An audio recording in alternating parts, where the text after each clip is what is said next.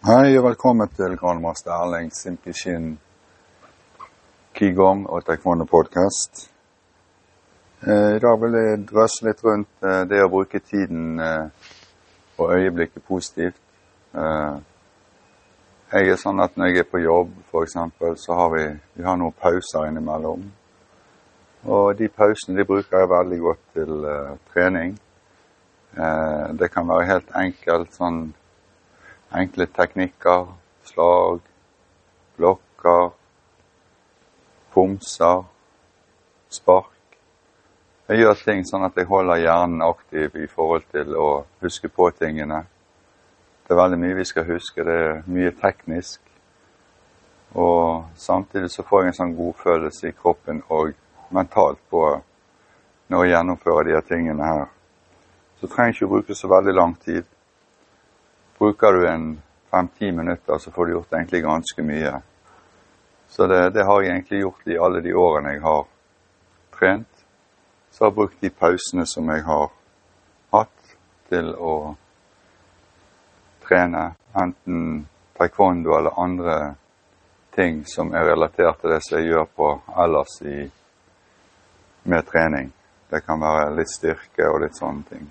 Så jeg har sånn nesten trent hver dag siden jeg begynte med taekwondo eller kampsport for over 40 år siden. Så det er sånn rart å tenke tilbake på. Og ofte de teknikkene som du lærte først, det, det de trener jeg fortsatt. Altså, jeg stopper ikke å trene de, for de kan hele tiden bli bedre. og som jeg var, var på et treningsseminar i Korea, og der eh, var det en som var teknisk eh, sjef på Kykkevån som hadde dette her. og Vi skulle trene på diverse armteknikker og litt sånt. Og da var det hvordan vi skulle bruke hofter og muskler for å utføre teknikkene. Og da ble noen tatt fram og måtte vise hvordan de gjorde helt enkle teknikker. Og da sier han her eh, Hvor lenge har du trent?